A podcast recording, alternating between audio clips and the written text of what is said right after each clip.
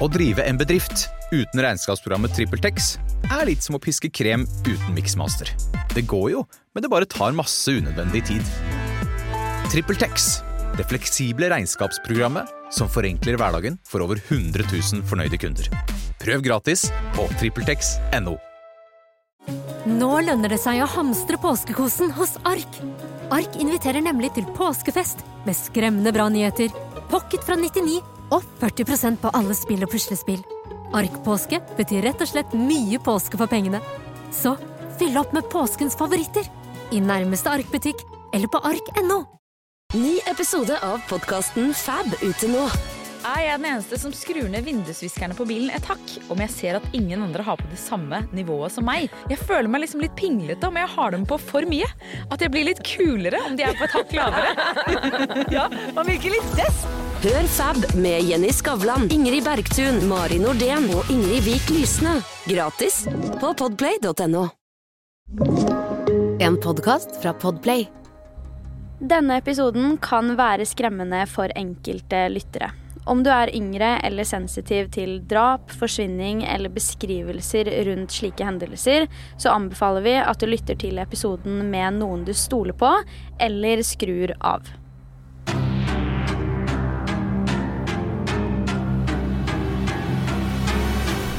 Hei og velkommen til en helt ny episode av Forsvinningsfredag podkast. I denne ukens episode, som faktisk også er årets første, så skal vi ta et lite tilbakeblikk på året som gikk. Og vi skal se på noen av oppdateringene i flere av sakene vi har snakka om i 2023.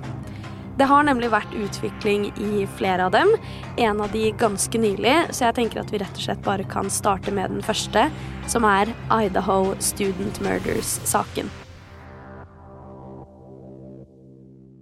Idaho Student Murders-saken er jo definitivt en sak som har prega nyhetsbildet i USA veldig det siste året, og selv dekka jeg denne saken i januar 2023 for første gang.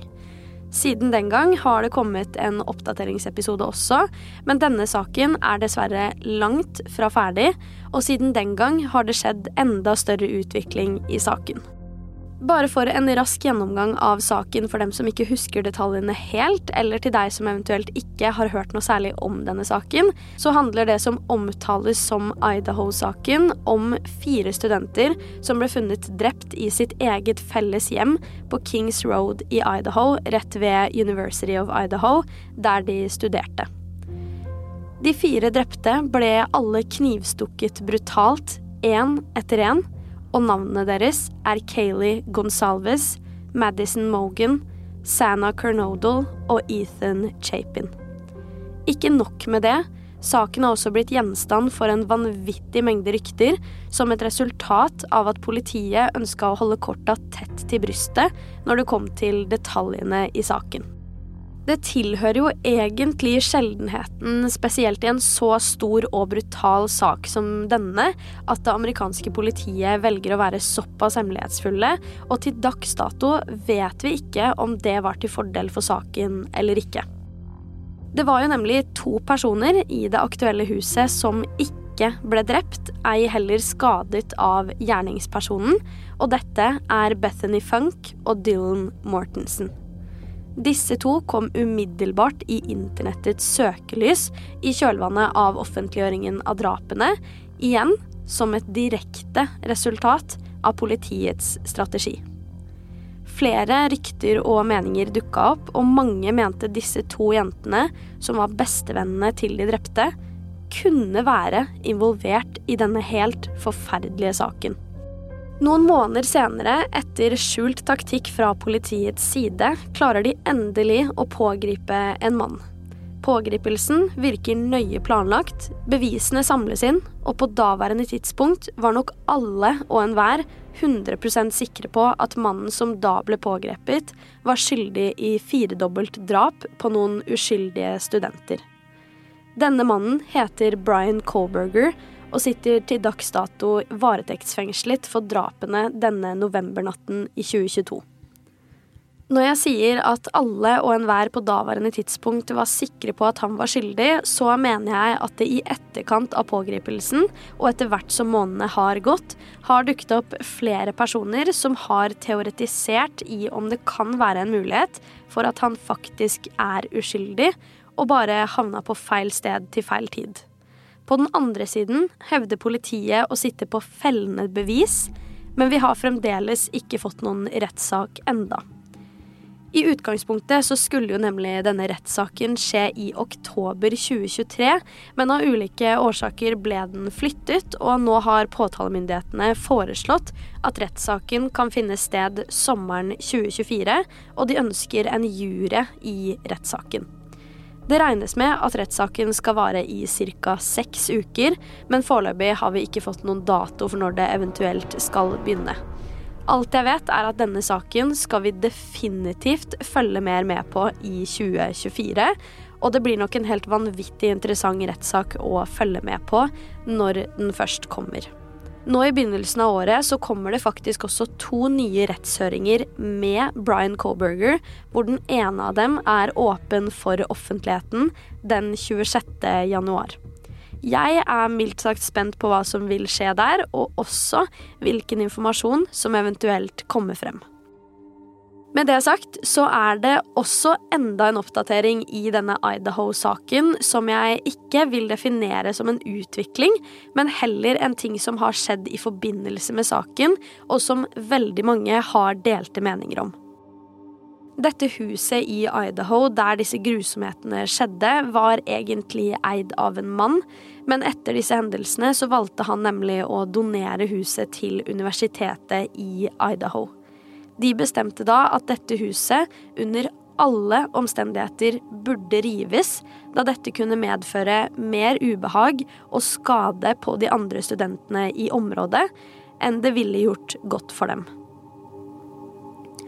Kommentarer på nett viser likevel et tydelig skille mellom dem som mener dette er innafor, og dem som mener det er helt urimelig.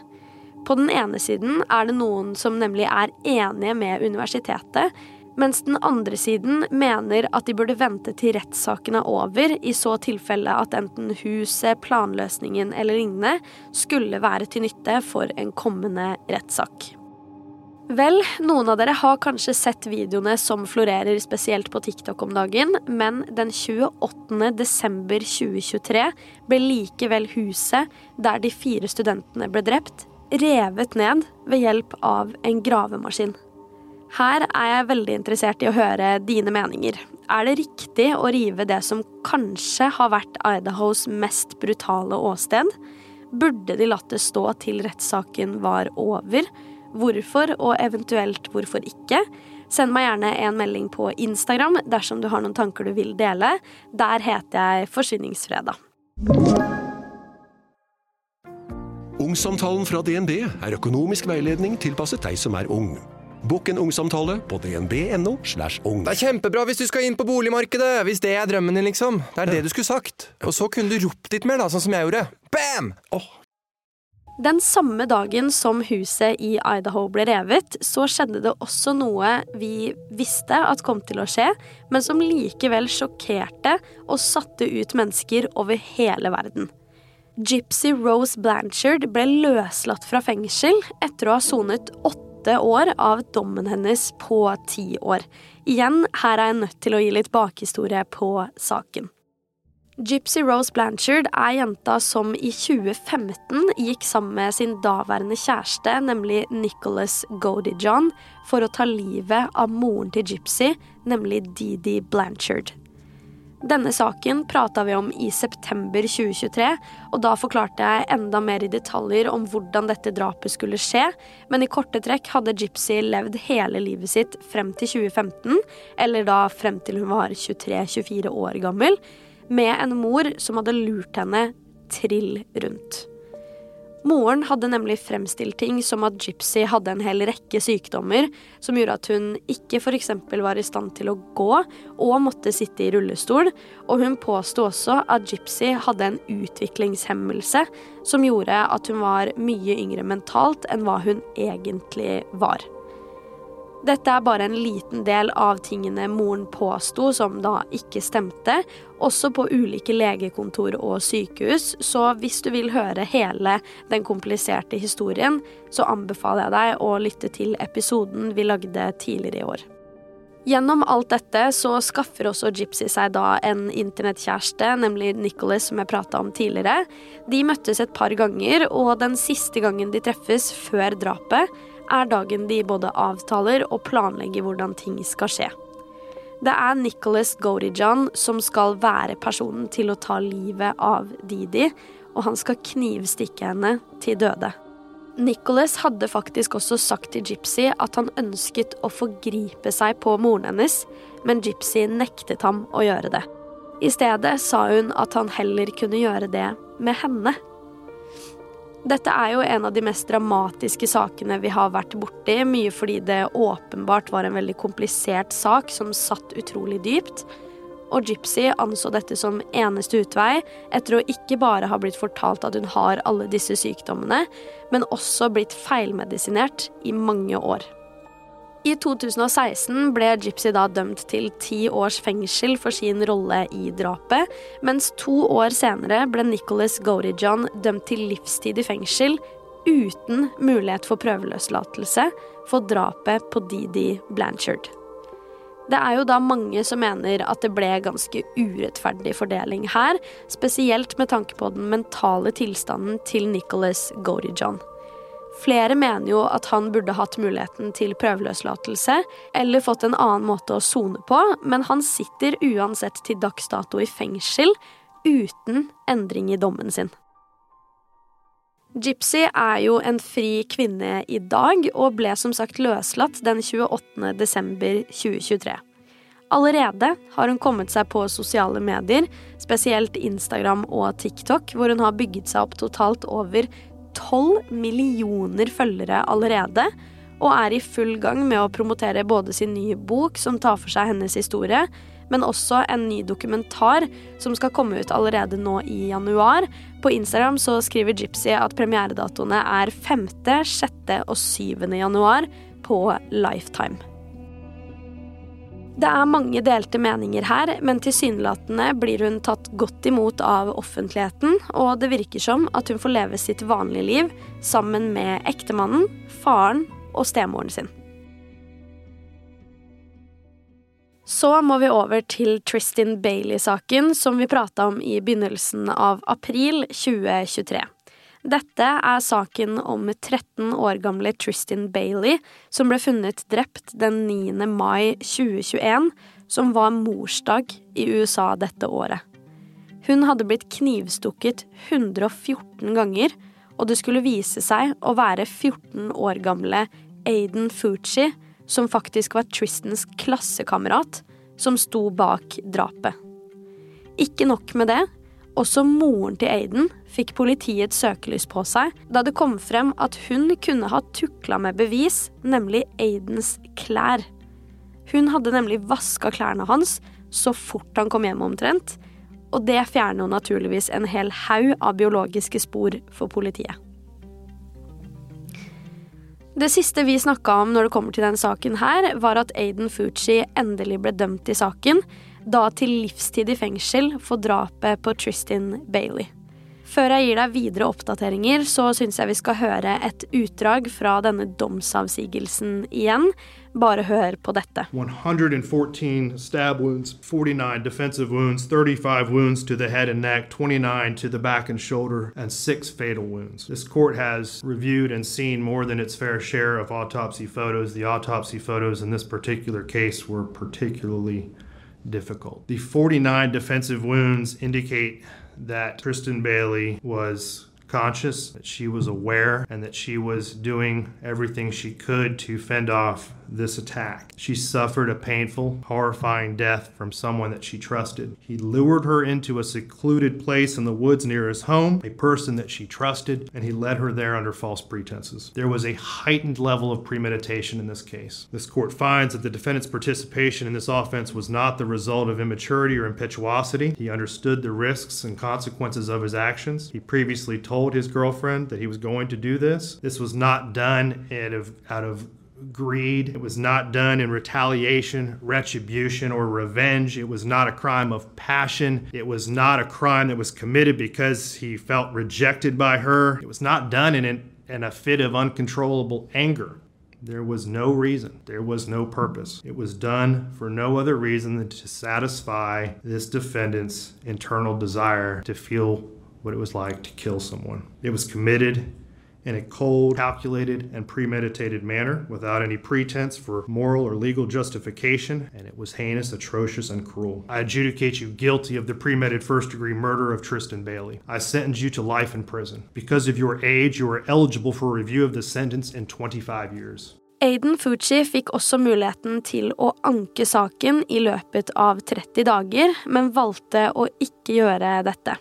Det vil si at Aiden nå kommer til å sitte i fengsel for resten av livet sitt, men om 25 år så har han muligheten til å søke om en ny vurdering og eventuelt prøveløslatelse. Dette er imidlertid ikke det nyeste som har skjedd i denne saken. Som jeg nevnte, så var jo også moren hans i politiets søkelys pga. tukling med bevis, og nettopp det fikk også hun konsekvenser for. I mai 2023 ble nemlig moren dømt til 30 dager i fengsel for akkurat dette, og så mye som fem års prøvetid etter fullført fengselsstraff. Akkurat den rettsprosessen var ikke særlig lang, men i løpet av den så fikk vi også se mødrene fra begge sider i denne saken, hvor moren til Tristan snakket på vegne av sin familie. Moren til Aiden lot imidlertid advokaten sin snakke for seg, uten at vi vet nøyaktig hvorfor.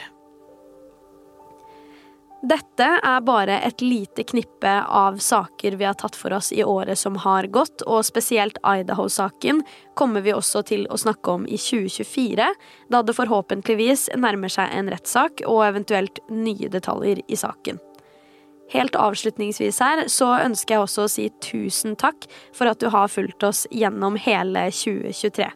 Vi setter så enormt stor pris på engasjementet dere viser uke etter uke, og vi skal selvfølgelig levere nye episoder hver uke gjennom hele 2024 også. I 2024 så vil det også komme en del mer ekstramateriale i våre sosiale medier til de ulike sakene, så vi vil anbefale at du følger oss der for å få med deg alt sammen. Der heter vi Forsvinningsfredag, både på Instagram og TikTok. Du har hørt Forsvinningsfredag podkast med meg, Sara Høydahl. Tusen takk for at du har lytta til årets aller første episode. Vi er tilbake med enda en allerede neste fredag, og i mellomtiden, ta vare på deg selv.